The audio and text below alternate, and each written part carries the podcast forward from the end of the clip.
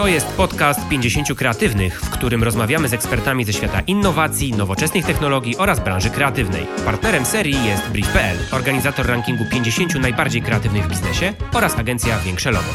Zapraszam, Paweł Zawadzki. To jest podcast 50 kreatywnych. Dziś moim gościem jest Marcin Balicki, prezes Millennium Leasing oraz autor książki Niepokój, czyli 19 pigułek uważności. Dzień dobry, witaj. Dzień dobry, cześć. Zaczniemy może od takiego pytania parasolowego, e, wprowadzającego. Jak Millennium Leasing i w ogóle cała branża leasingu podchodzi do tematu kreatywności? Jak i czy w ogóle wytwarza jakieś innowacje czy kreatywne rozwiązania? Czy to jest w ogóle możliwe w takiej branży jak leasing? Przewrotnie zapytałbym, a dlaczego nie? Mhm. Dlaczego leasing ma, ma być tutaj wyjątkiem? Oczywiście dla wszystkich dzisiaj w biznesie kreatywność jest, e, jest wyzwaniem i potrzebą. E, leasing nie jest tutaj e, wyjątkiem. To, co na tle sektora finansowego nas wyróżnia, to to, że skala, czy liczba klientów, których obsługujemy, jest znacznie mniejsza niż w bankowości detalicznej, co powoduje, że zasoby, potencjał biznesowy, skala, która mm, jest za za, za innowacyjnością, szczególnie tą rozumianą technologicznie, jest, jest mniejsza. I przez to e, ten leasing jest trochę mniej widoczny w tym, w tym kontekście. Drugim problemem, z którym, z którym leasing się boryka, który powoduje, że, e, że tej innowacyjności, szczególnie technologicznej, widać mniej, jest wymóg e, przepisów, który mówi, wymóg zawarcia umowy leasingu w formie pisemnej pod rygorem nieważności. To jest taki relikt z przeszłości, którego nie ma już w sektorze bankowym. U nas jest, w związku z tym, mhm. jakkolwiek byśmy sobie nie wyobrażali procesu e, zawarcia umowy leasingu, to na koniec klient musi podpisać papierową, papierową umowę. No i coś, czego się nie da zdigitalizować, na koniec ten, e, ten samochód, czy tą maszynę, którą, którą finansuje leasingiem, fizycznie musi y, odebrać, samochód musi być zarejestrowany. Tak, to jest chyba najprzyjemniejszy, najprzyjemniejsza część procesu z reguły. To jest najprzyjemniejsza część procesu, ale ona nie może być y, cyfrowa. Ona z natury rzeczy dzieje się w e, świecie realnym. I to są takie powody, dla których ta innowacyjność jest trochę inaczej e, widoczna, czy mniej widoczna niż, e, niż w sektorze finansowym. Ale się dzieje i to, co, co ciekawe, z czego jestem szczególnie dumny, to dzieje się nie tylko na poziomie pojedynczych firm e, leasingowych, takich jak, e, jak nasza, jak Millennium Leasing, ale też na poziomie branży. Od pewnego czasu w ramach Związku Polskiego Leasingu funkcjonuje grupa do spraw digitalizacji. Razem z panią prezes Ewą Uniewską z ING Lease jesteśmy ja i ona jesteśmy, jesteśmy takimi, można powiedzieć, patronami z ramienia Komitetu Wykonawczego nad, nad tą grupą. I od samego początku szukaliśmy e, czegoś, co może być, e, co może łączyć branżę, co może być w interesie branży, a nie tylko pojedynczych firm leasingowych, no bo oczywiście innowacyjność, technologie to są takie obszary, które dzisiaj decydują o przewagach konkurencyjnych, ale te wspólne interesy są. Przykładem, przykładem z sektora bankowego jest Blik, który, który jest projektem ponad, ponadbankowym, bankowym, a, a, tak. i ogromnym sukcesem. My dla branży leasingowej też takiego, takiego sukcesu szukaliśmy.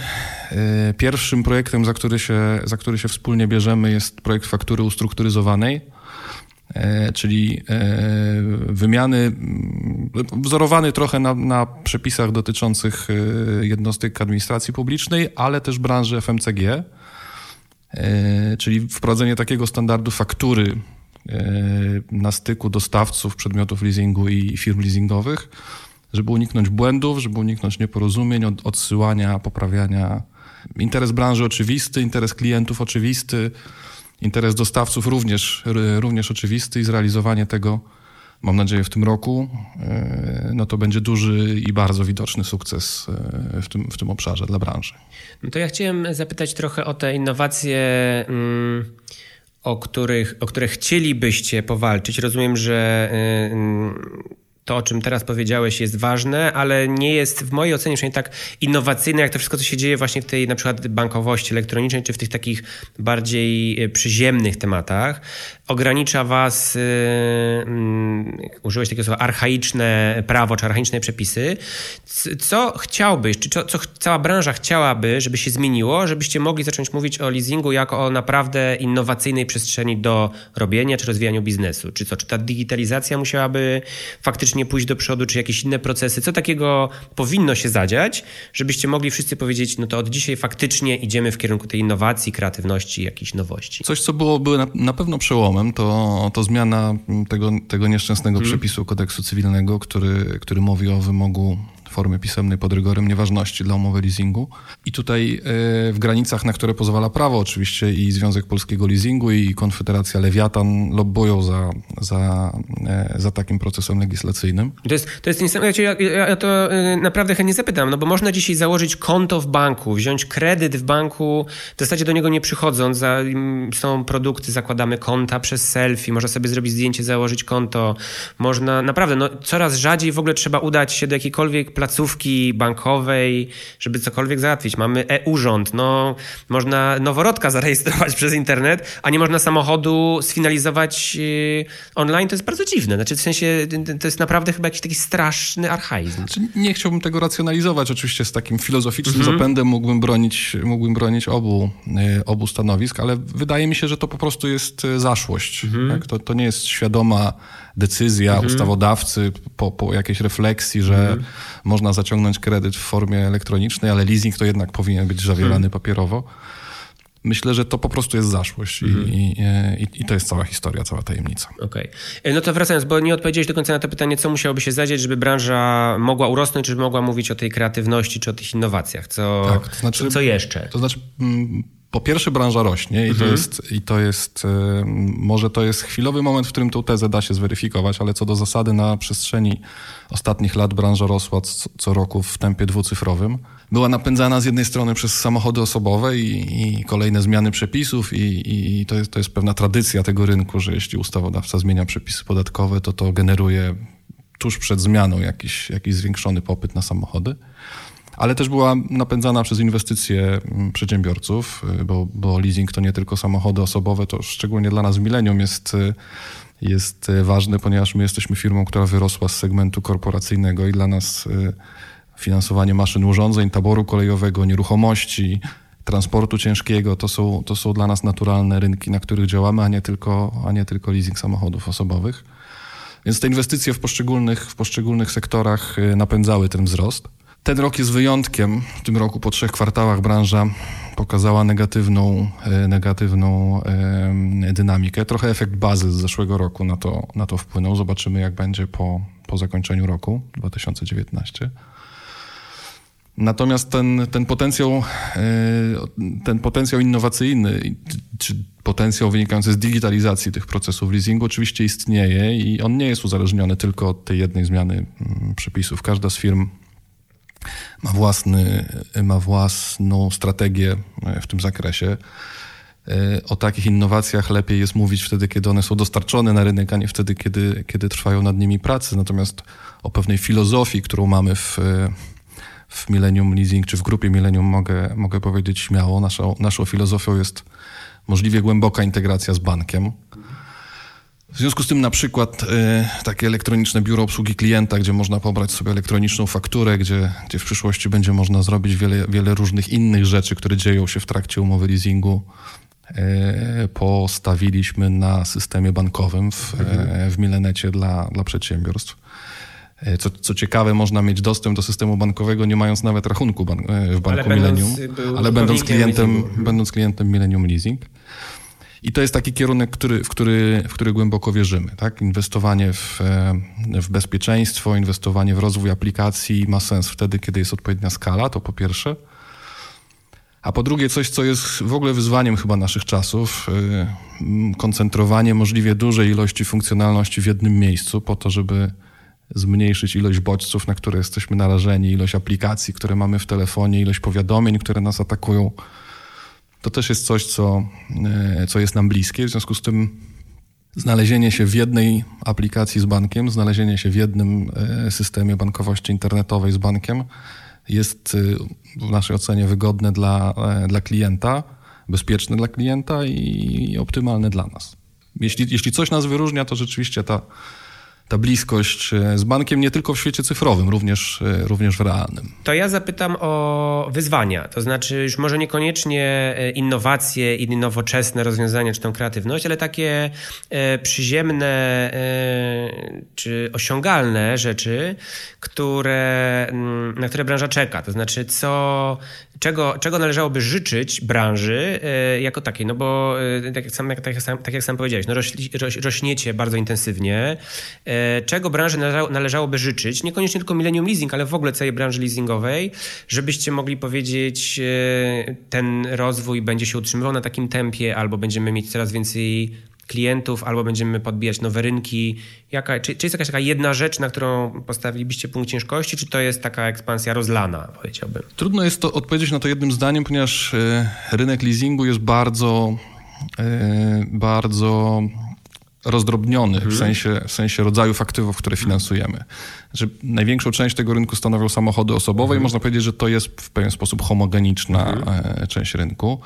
Chociaż jak już popatrzymy na klienta z jednej strony mikrobiznesowego, który ma jeden czy dwa samochody w leasingu, albo klienta, który jest wypożyczalnią samochodów, e, no to to są zupełnie różni klienci, mimo że statystycznie klasyfikowani do tego samego segmentu rynku.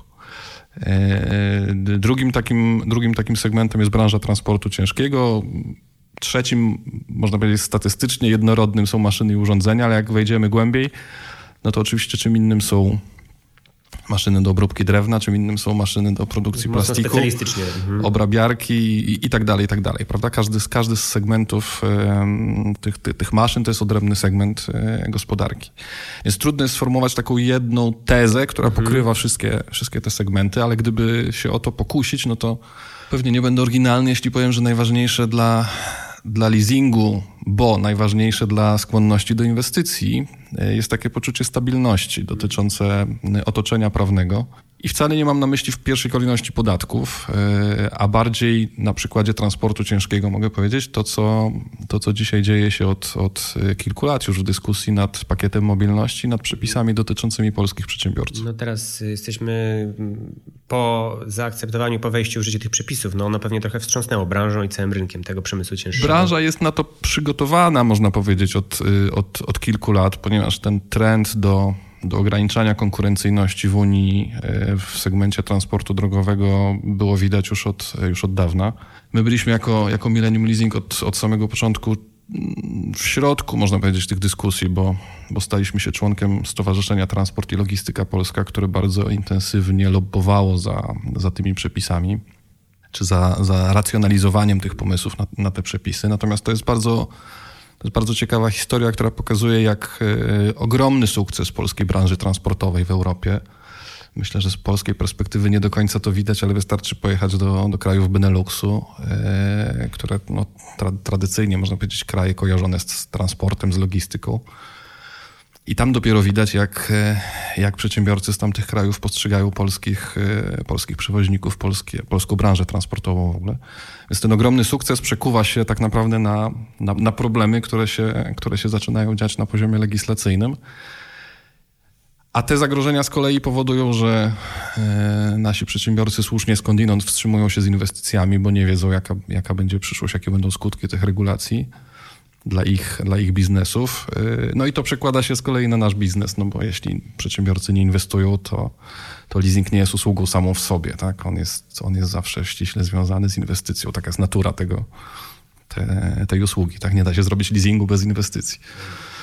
Więc to jest przykład, y, to jest przykład y, tego, że to, co by nam pomogło, to, co by branży pomogło, to na pewno stabilność, czyli można powiedzieć antyteza do kreatywności, innowacyjności. No, tak? Kreatywność, innowacyjność trochę opiera się na jednej wielkiej niewiadomej i na jednej wielkiej zmianie, a dla was to jest coś, co może być elementem hamującym, tak?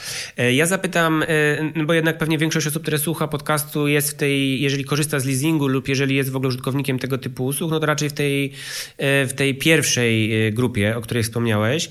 Jak dla leasingu te nowe mm, produkty, które pojawiają się, przykład wynajmy długoterminowe, czy to są, czy to jest, czy wy to traktujecie jako konkurencję dla siebie, czy to są produkty, które funkcjonują obok siebie, czy branża na tym traci, zyskuje, czy, czy razem walczycie na przykład o różnego rodzaju legislacje? No bo tych produktów jest, kiedyś był tylko leasing, tak? A dzisiaj jest trochę więcej tych e, form, czy możliwości, nazwałeś inwestycji, no ale inwestowania w zasoby firmowe na przykład, tak? E, czy, czy to jest e, komplementarne, czy konkurencyjne? To jest i komplementarne, i konkurencyjne. Okay. Kom, o tyle konkurencyjne, że na, na, na styku z klientem końcowym On oczywiście ma wybór, czy, czy chce związać się umową e, mniej czy bardziej długoterminową, mniej czy bardziej wiążącą na, co, co do przeniesienia własności te, tego pojazdu, bo, bo, bo najczęściej o, o, samochodach mówimy na końcu trwania umowy.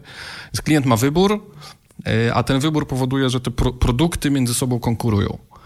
Natomiast prawda jest taka, że mm, niezależnie od tego, jak my ten produkt nazwiemy, jak, jak go opakujemy, w jaki sposób on jest sprzedawany, to po pierwsze samochód trzeba wyprodukować, po drugie trzeba go kupić, e, po trzecie trzeba go ponosić koszty jego eksploatacji i po czwarte trzeba go na koniec sprzedać. I niezależnie od tego, jakbyśmy ukształtowali e, produkt czy marketing wokół tego produktu, E, to, to ekonomiczny charakter tego, tego, co robimy, sprowadza się w każdym przypadku do tego samego. I ja mam szczerze mówiąc, znaczy, i teraz tak, po pierwsze, my jako, jako branża leasingowa finansujemy firmy, które świadczą tego typu usługi. I ty, w tym zakresie jest to usługa komplementarna dla nas, ponieważ to jest też coś, co buduje rynek, e, na którym działamy. Tak? E, ale też z drugiej strony patrzymy na ryzyko zawarte w tych transakcjach i patrzymy na to, e, po pierwsze, gdzie jest ryzyko takiej transakcji. Ryzyko jest w wycenie wartości samochodu na koniec, e, na koniec umowy z klientem końcowym. I ten klient końcowy może być mamiony tym, że, że płaci niską ratę i nie jest do niczego zobowiązany na koniec, ale zwykle jest to okupione tym, że wartość tego samochodu, e, której on nie spłaca, on płaci tylko za korzystanie, to takie modne określenie, wartość tego samochodu jest źródłem dochodu dla, dla firmy, która mu tą, tą usługę świadczy. W przypadku, gdyby zawarł tradycyjną umowę leasingu, e, wówczas na koniec, na koniec trwania umowy miałby samochód, który jest więcej wart. E, może go sprzedać, tak? może nim dalej jeździć, może go sprzedać i, i na przykład potraktować to jako wkład do, do kolejnej umowy e, leasingu. Z drugiej strony, jeśli firma, która zajmuje się wynajmem, tego nie robi, no to generuje ryzyko ubiegając się o finansowanie, tak, generuje ryzyko, że po zakończeniu umowy z klientem będzie miała samochód, który jest mniej wart niż, niż dług, który pozostał jej do spłacenia. Czyli nie ma to ekonomicznego sensu na koniec. Więc poruszamy się między takimi dwoma, między jedną dwoma niepewnością, a drugą niepewnością trochę, tak? Każdy analizuje swoje ryzyko. Tak, tak. Natomiast y, arbitrem w tym przypadku jest matematyka, tak? To znaczy, wrócę jeszcze raz do, te, do tej uniwersalnej tezy, że samochód trzeba kupić, ponosić koszty jego eksploatacji, a na koniec sprzedać. I tu nie ma świętego Mikołaja w tym, w tym modelu, tak? To znaczy, jeśli ktoś, e, jeśli ktoś bierze na siebie ryzyko, to, to ryzyko, za to ryzyko ktoś musi zapłacić. E, ja zapytam, trochę odklejając się od leasingu per se, e, o całą wchodzącą branżę samochodów elektrycznych. Czy, on, czy wy ją w ogóle dostrzegacie, czy mm, Zarówno w tym transporcie osobowym, jak i teraz coraz częściej mówi się o tym transporcie cięższym. E, w ogóle widzicie tego typu zapotrzebowanie, czy ono wzrasta? No, Polska stara się promować te rozwiązania zielone, Europa stara się promować rozwiązania zielone. E, czy wy również wspieracie rozwój tej gałęzi transportu? No bo rozumiem, że za tym też idą pewnego rodzaju inwestycje, one są być może teraz bardziej lub mniej modne. Jak to wygląda z waszej perspektywy? Na kilku poziomach można, można na to pytanie odpowiedzieć. Tro, trochę z przekorą odpowiem, mhm. y, odpowiem po pierwsze jako przedsiębiorca. Y, jako grupa Millennium w zasadzie mm, no, statystycznie można powiedzieć całą flotę naszych e, samochodów, które mamy, wymieniliśmy na samochody hybrydowe. E, więc Czyli jesteśmy, jest trend. Jest, jesteśmy przykładem e, tego, że, tego, że można. Po drugie, oczywiście, że to, że to zauważamy i, i jest to normalne aktywo, które, które finansujemy, samochody elektryczne. Po trzecie, wracając trochę do tematu kreatywności, innowacyjności, to jest taka historia, którą, którą dość często opowiadam. Pierwsza Tesla, którą sfinansowaliśmy jako, jako, jako firma, była dla mnie okazją do tego, żeby pojechać, spotkać się z klientem i spróbować zrozumieć fenomen e, tego samochodu. I jeśli miałbym powiedzieć, co jest najbardziej innowacyjnego w Tesli, to nie byłoby to, e, nie byłoby to nie byłby to jej elektryczny mhm, napęd, okay. E, tylko bardziej mm, coś, coś, co na własny użytek nazywam syntezą różnych światów, to znaczy jest to połączenie tradycyjnego samochodu, który, który wszyscy znamy, e, z, e, z czymś, co, co znamy ze świata smartfonów czy tabletów. Nie tylko dlatego, że ten ekran na konsoli jest podobny do, Olbrzymi. do, do iPada. 90% całego kokpitu i samochodu. Ale też dlatego, że to jest system, który się sam, sam aktualizuje, który hardware'owo jest przygotowany na znacznie więcej funkcjonalności niż dzisiaj oferuje kierowcy. E, dlatego, że można rano obudzić się i mieć e, nowy Szybszy samochód. samochód no. E, była taka historia w Stanach, kiedy, kiedy z powodu nadciągającego huraganu władze ogłosiły ewakuację i Tesla wówczas powiadomiła swoich klientów, wszystkich, którzy kupili wariant samochodu ze słabszym akumulatorem, powiadomiła swoich klientów, że dla potrzeb tej ewakuacji software'owo podnosi im e, pojemność tego akumulatora do, do maksimum, bo okazało się, że te akumulatory fizycznie były te same, tylko software'owo była e, ograniczona pojemność. Więc to pokazuje, że ten model biznesowy nie z powodu samego elektrycznego napędu może być bardzo innowacyjny i inspirujący dla różnych innych światów. To połączenie doświadczeń z różnych światów to jest coś, co jest moim, w mojej ocenie najprostszą drogą dzisiaj do innowacyjności. No i wracając do pytania o, o, o, napędy elektryczne, o to, jak, jak zmieni się świat w związku, w związku z nimi, wydaje mi się, że dużo bardziej niż z powodu elektrycznych napędów zmieni się z powodu autonomicznych samochodów. Właśnie to miało być moje kolejne pytanie. Czy branża trochę się nie boi tych autonomicznych samochodów, no bo w pewnym momencie y, konsumenci, użytkownicy w ogóle przestają potrzebować mieć samochody, będą bawić się trochę w futurologa, będą firmy, które po prostu będą dostarczały, tak jak dzisiaj są taksówki, będą dostarczały autonomiczne pojazdy, nad tym będzie czuwała jedna, dwie firmy, jakieś konsorcjum, i tyle, koniec z branżą, z kupowaniem samochodów, bo one po prostu nie będą potrzebne, tak? Nie trzeba będzie je garażować, nie trzeba będzie ich serwisować. W sensie mówię o konsumentach takich, takich jak ja ich sobie wyobrażam, tylko będzie pewnie kilka firm, które będą miały pieczę nad całością biznesu. No i wtedy jak wy, czy w ogóle jak branża się do tego przygotowuje, czy jest na to gotowa, czy, czy to jest dobry kierunek? Nie lubię się bawić w futurologa, natomiast y, lubię zadawać pytania. Mhm. Y, I, I w tym kontekście tych, pyta, tych pytań jest więcej, bo, bo po pierwsze zanim w ogóle o, o samochodach autonomicznych, to, to patrząc na, na dzisiejsze młode pokolenie, to ja bym zaczął od pytania, czy, czy te, czy te e, kolejne, kolejne roczniki wchodzące na, na, na rynek pracy, czy, czy wchodzące do biznesu w ogóle będą miały potrzebę przemieszczania się. Mhm. Jeśli nie będą miały potrzeby przemieszczania się, to potrzeba posiadania samochodu też e, nabiera zupełnie innego znaczenia. Po drugie, to, czy my będziemy chcieli korzystać z autonomicznych samochodów, czy nie, oprócz wygody, oprócz przepisów, oprócz dostępności, ma też kontekst jakiś psychologiczny. Yy, mówi się o tym, że samochód to jest yy, jakaś część naszego, naszego mitu, mm, może nie włóczęgi, ale, ale podróżnika, koczownika. Yy, to przemieszczanie się, wolność przemieszczania się to jest coś, co, co, co gdzieś w emocjach związanych z kupowaniem samochodu występuje. I pytanie, czy autonomiczny samochód będzie te emocje równie dobrze zaspokajał jak ten samochód, nad którym mamy kontrolę. No marketerzy mówią, że nie, to jest olbrzymi problem e, w branży marketingowej, no bo tak jak powiedziałeś, samochód jest pewnego rodzaju przedłużeniem życia czy pewnej przygody i kupujemy go w związku z pewnymi wartościami, które wyznajemy, w coś wierzymy. No jednak te hasła za pewnym logotypem samochodu odnoszą się do naszych wartości. No i teraz, jeżeli ja mam wsiąść do samochodu, którego nie prowadzę sam, czyli odchodzi mi 90% emocji związanych z tym, że ja mogę sam przyspieszyć, zrobić jakiś manewr, poczuć więź tym samochodem, to jest absolutnie z boku, jeśli mówimy o samochodach autonomicznych.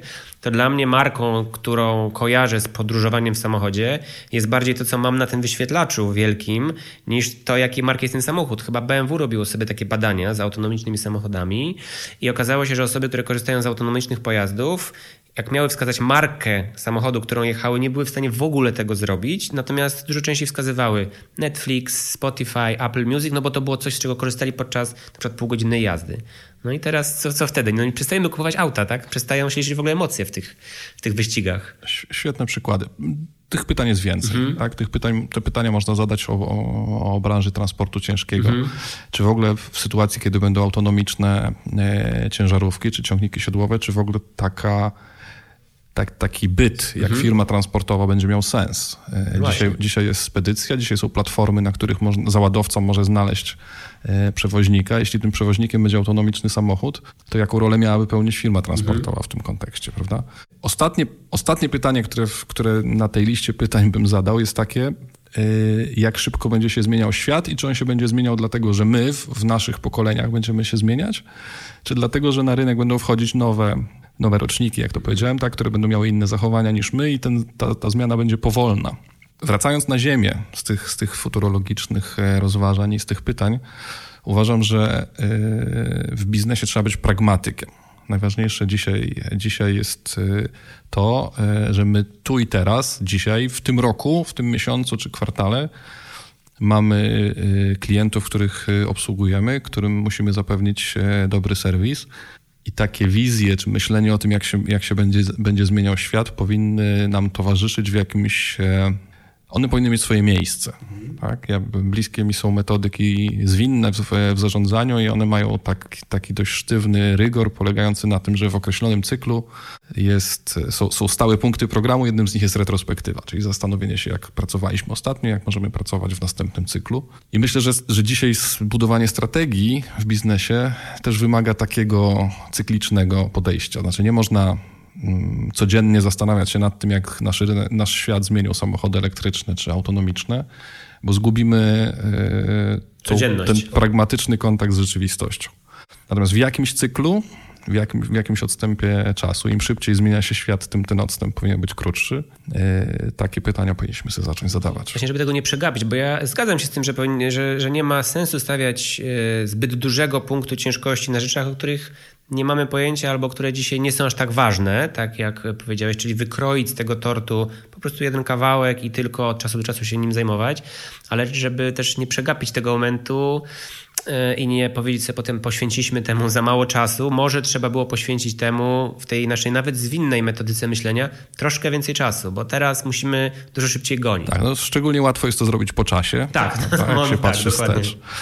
Natomiast y, ja wierzę w to, że, że, że ta, ta inspiracja z metodyk zwinnych tak? Mhm. I, I, taki stały, stały cykl e, planowania i refleksji, mhm. tak, tak, go, tak go przewrotnie bym nazwał, e, jest czymś, co, co pozwala zaadresować ten problem to ja spróbuję e, zwinnie i płynnie e, przejść z tematu dużego biznesu i planowania kreatywności do książki, którą e, napisałeś i którą miałem przyjemność przeczytać. Niepokój, czyli 19 pigułek uważności. Na tą uważność tutaj postawiłbym akcent, bo to się łączy z tym, co powiedziałeś, tak? Czyli z jednej strony musimy myśleć raz na jakiś czas o tym, co się będzie działo w przyszłości, ale z drugiej strony musimy uważnie patrzeć na to, co nas otacza tu i teraz.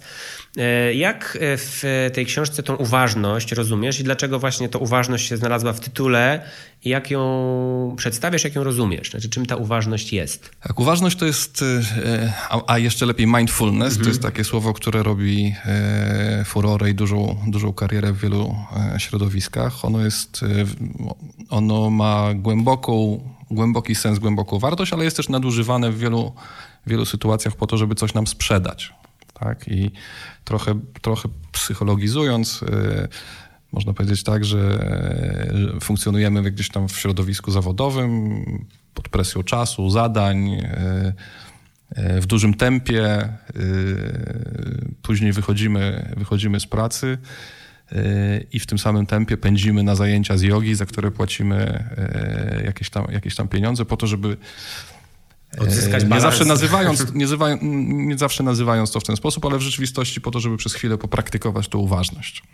Ja mam takie, takie głębokie mm, przekonanie, że uważność to jest coś więcej niż tylko te zajęcia jogi po, po pracy, że uważność to jest coś, co można odnaleźć w bardzo banalnych e, sytuacjach, począwszy od, od życiowych sytuacji.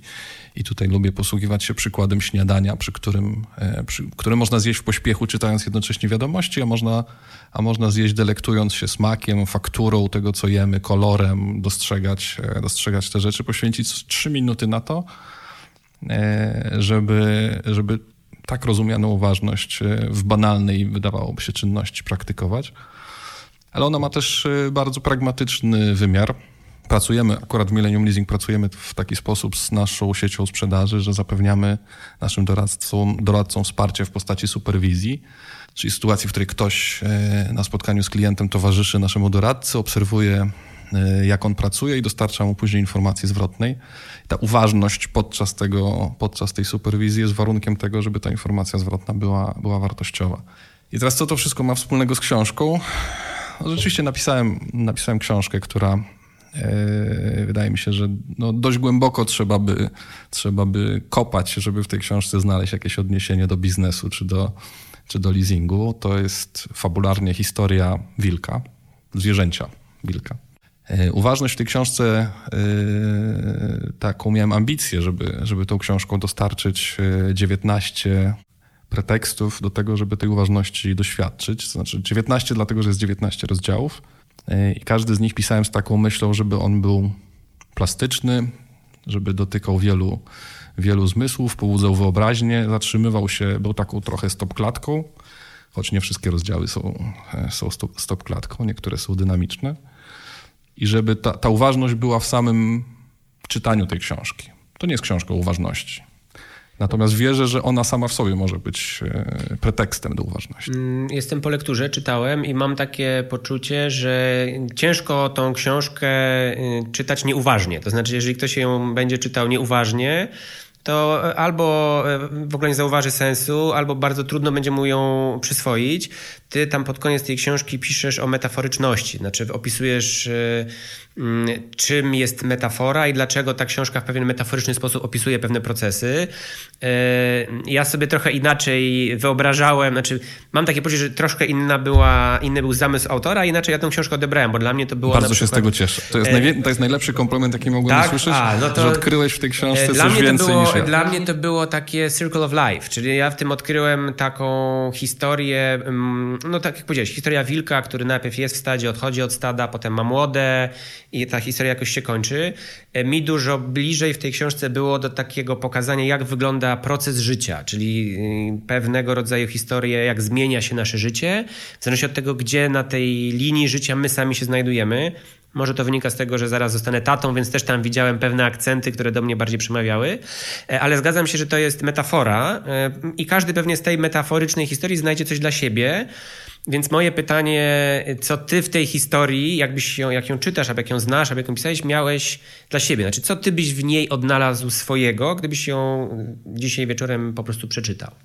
W sensie, gdybyś miał przeczytać własną książkę nie jako autor, to, to co by cię tam Pewnie to jest bardzo trudne pytanie. Nie wiem, czy jaki eksperyment myślowy ci się uda, ale, ale wiesz, jestem ciekaw, bo jedna historia to jest intencja autora, a druga to jest to, co wszystko się zadzieje do, poza tym. Nie? Odniosę się do tego, co powiedziałeś przed chwilą, bo, bo to jest.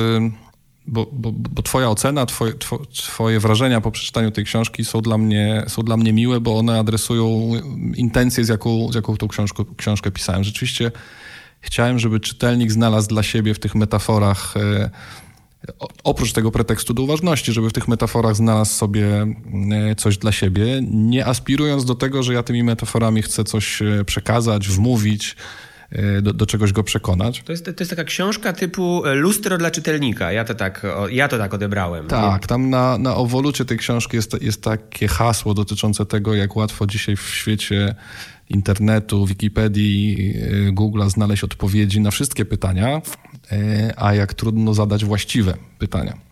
I, i to, jest, to jest pewno motto, które, które miałem w głowie pisząc, e, pisząc tą książkę, więc jeśli słyszę twoją refleksję, że znalazłeś tam, tam coś dla siebie, to, no to, to nie mogę mieć większej satysfakcji.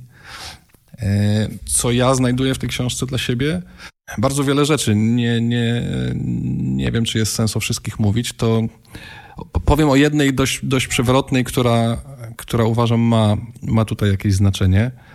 My jako menedżerowie bardzo często mm, wymagamy od naszych pracowników, od, od menedżerów, którzy nam podlegają, żeby wychodzili ze strefy komfortu. Żeby robili rzeczy nowe, żeby robili rzeczy, których nie robili wcześniej, żeby się nie bali podejmować ryzyka. Natomiast rzadko sami to robimy. E, jeśli miałbym powiedzieć, co, co było dla mnie mm, częścią tej historii o, o pisaniu tej książki, to było nią wyjście ze strefy komfortu i próba pokazania, e, próba zrobienia czegoś, co jest zupełnie nieoczywiste, zupełnie niezwiązane z moim życiem zawodowym, z moim doświadczeniem, wystawienia się na ocenę w kategorii, w której nigdy nie, e, nie byłem oceniany. E, I dzisiaj, jak idę do swoich menedżerów i mówię im o wychodzeniu ze strefy komfortu, to mogę im opowiedzieć historię tego, jak pisałem tą książkę, bo to niewątpliwie było poza, poza strefą komfortu. Czyli y, prywatny eksperyment okazał się sukcesem. Ta strefa komfortu okazała się do, do, do, wyjścia. Znaczy, okazało się, że można z niej wyjść i efektem jest y, publikacja. Tak, znaczy, mam satysfakcję. Hmm. Mam, mam taką prywatną, osobistą satysfakcję z tego, że udało się y, chociaż jeden z recenzentów, Kuba Bączek, by mnie tutaj poprawił, że nic się nie udaje. Tak, tak, tak. On, on ma że... taką, taki sposób myślenia, że marzenia się, marzenia, się, marzenia się nie spełnia. Nie, marzenia się nie spełniają, marzenia się spełnia. W takim aktywnym trybie brania odpowiedzialności za własne życie. Więc nie mogę powiedzieć, że się udało. Y, chciałem tą książkę napisać, napisałem i, i, i mam z tego satysfakcję. To y, ostatnie pytanie, dobijając do brzegu naszej rozmowy, łącząc trochę te historie firmowe, biznesowe oraz to, o czym powiedziałeś o książce. Jak dzisiaj w tych niespokojnych czasach i trudnych czasach zachować spokój myślenia, działania i właśnie taką uważność w biznesie, w domu, w życiu? Myślę, że uważność jest odpowiedzią na to pytanie, natomiast y, pytanie, jak, jak tę uważność znaleźć, oczywiście. Pierwszym krokiem jest świadomość. Pierwszym krokiem jest świadomość. Y, dzisiaj mm, przeczytałem takie, takie zdanie, że nakręcamy się sami, a żeby wyciszyć się, y, potrzeba decyzji i świadomego działania. I wydaje mi się, że to jest ten drugi krok. Tak? Znaczy, jeśli już wiemy, że istnieje coś takiego jak uważność, że można ją praktykować, można jej doświadczyć, no to drugim krokiem jest decyzja o tym, żeby to zrobić. I żeby poszukać tej uważności w tych pozornie banalnych y, momentach, miejscach, Czasem też fizycznie odciąć się od, y, od nadmiaru bodźców. E, zawsze jak widzę telewizję informacyjną, która oprócz przekazu audio i wideo ma jeszcze dwa równoległe paski, które, które serwują nam e, dwa streamy informacji tekstowych, to mam wrażenie, że ta ilość bodźców, które, które do nas e, są dostarczane, jest dużym wyzwaniem dla nas. Tak? I pytanie, czy można sobie z nim poradzić, czy lepiej się po prostu fizycznie odciąć, czy limitować sobie dostęp do takich rozpraszaczy. No, myślę, że każdy tutaj musi znaleźć własną, własną drogę, własną odpowiedź. No to takiej własnej drogi każdemu słuchaczowi życzę. Y, bardzo dziękuję za rozmowę. Trzymam kciuki za sukcesy y, jako autor. Może kolejne publikacje niebawem. Bardzo dziękuję za rozmowę i do usłyszenia. Dziękuję. Dzięki za dziś. Pozostałe odcinki tego podcastu znajdziecie na Spotify, Apple Music, SoundCloud oraz w swoich ulubionych odtwarzaczach podcastowych. Do usłyszenia!